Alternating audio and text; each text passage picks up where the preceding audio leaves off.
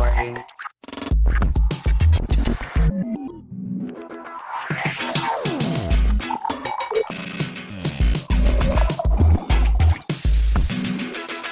Herkese merhaba.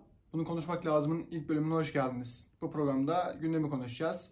Gündem başlıklarını eline boyuna almaya çalışacağız. Eline boyuna biraz haber bülteni başlığı gibi oldu ama e, gündemdeki konuları konuşacağız.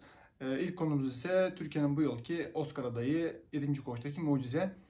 E, bu yıl güzel ülkemiz, çok değerli büyüklerimiz e, bir Kore uyarlaması filmi Oscar'a göndermeyi tercih ettiler. Ee, bir haftadır da bu tartışma dönüyor. Neden bu film gönderildi? Başka bir film yok muydu? Ee, bizim sinemamız bu mu? Yani Oscar almak için bir kişi rekortmenine mi ihtiyacımız var? Türkiye'de hikaye bitti gibisinden bir sürü tartışma var. Haklılar mı? Evet haklılar. Ee, yani Türkiye'de onca film yapılıyor, onca festivaller yapılıyor. Festivallerde onca filmler yarışıyor. Göndere göndere bir e, Kore'den uyarlanmış bir filmi gönderdiler. İnanılır gibi değil inanamıyoruz ama Türkiye olduğu için bunları da çok şey yapmıyoruz aslında. Ee, büyüklerimiz seçmiş, tercih etmiş. Biz de burada gevezelik yapıyoruz. Ne kadar etkili olur, ne kadar e, önemi var bilmiyoruz ama böyle bir şey yapıyoruz. Onu dilinden bir tek ben anlarım. İbret alem için bunu dar ağacında arayacağım. Yönetmenliğini Mehmet Ada Öztekin yapmış. Başrolünde ise son dönemde dizilerle adından sıkça söz ettiren Aras Bulut İynemli var. Hikayesi ise zihinsel engelli olan Mehmet yani Memo filmdeki adıyla Memo darbe zamanında sıkı yönetim komutanının kızını öldürmekle suçlanıyor ve hapse atılıyor. Sıkı yönetim komutanı da Mehmet'e karşı büyük bir kin gidiyor ve onun idam edilmesi için elinden geleni yapıyor. Filmin genel olarak hikayesi bu. Biraz önce söylediğim gibi bir Kore uyarlaması. Kore'de de aynı isimle e, vizyona girmişti. Orada da bayağı başarı elde etmişti. Türkiye'de de 7 milyonu geçti seyirci sayısı. Çok değerli devlet büyüklerimiz sanırım e, filmin bu gişe başarısının Oscar'a da etki edeceğini düşündüler. Bu yüzden e, filmi Oscar'a gönderdiler. Bilmiyoruz. Orası muallak. Orası sektördeki kişilerin, bilmiyorum sektördeki kişiler ne kadar dahil oldular ama bakanlığın verdiği verilere göre seçimini 7. koğuştaki mucizeden yana kullanmış. Biraz önce filmin tartışma yarattığını söylemiştim bu yıl Oscar'a gönderilmesi sebebini.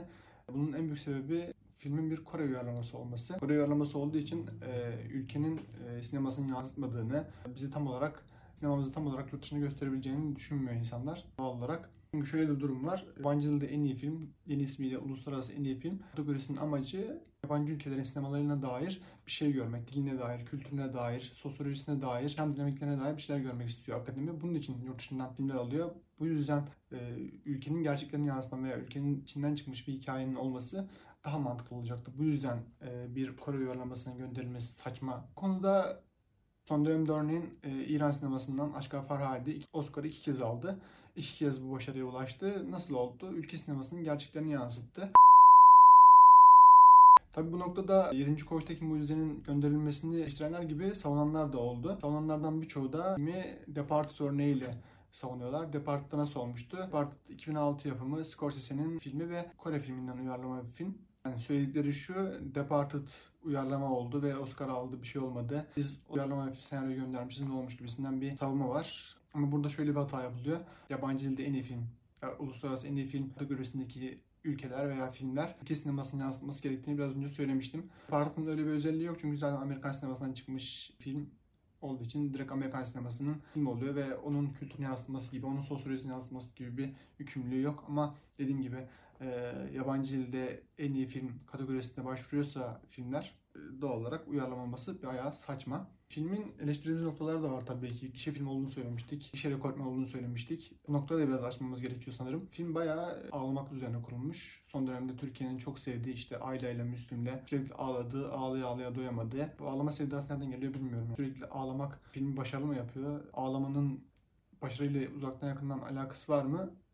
Para kazanmayla var sanırım. Çünkü bunlar gişe sinemasının ürünleri ve gişe sineması da para kazanmayı oynuyor doğal olarak. Para kazanmayı yapıyorsanız eyvallah bir şey demiyoruz ama böyle filmleri, sanatsal etkinlikleri göndermek, sanatsal faaliyetlerde ön plana çıkarmak ne kadar doğru bilmiyoruz. Ağlamışlar. 7 milyon seyirciyi geçmiş. Güzel de para kazanmış. Çok önemli değil burası ama bu kadar ağlatmaya, bu kadar ajitasyon yapmaya, bu kadar müziklerle, işte oyunculuklarla sürekli insanları böyle bir manipüle etmeye, ajitasyon yaptırmaya e, gerek var mı? Sanırım bu söylediklerimi filmin hayranları duysa sinemada işte sinema aksiyonunda beni bayağı linç ederler diye tahmin ediyorum. Ama önemli değil. Bunları çok yapacağız bu kanalda. Marvel'lar, DC'ler. Bunlara çok söz söyleyeceğiz. Bu daha başlangıç. Son olarak bu Türkiye'nin Oscar tercihlerine de bakalım isterseniz. Son dönemde Türkiye filmlerini 3 farklı kategoride seçiyor bence. Birincisi Nuri Bilge Ceylan'ın filmleri. Yani Nuri Bilge o yıl film yaptıysa direkt o, o gönderiliyor Oscar'a. Kralsız Şartsız ilk giden film onunki oluyor. Yani haksız mı? Çok haksız değiller aslında ama e, bilmiyorum.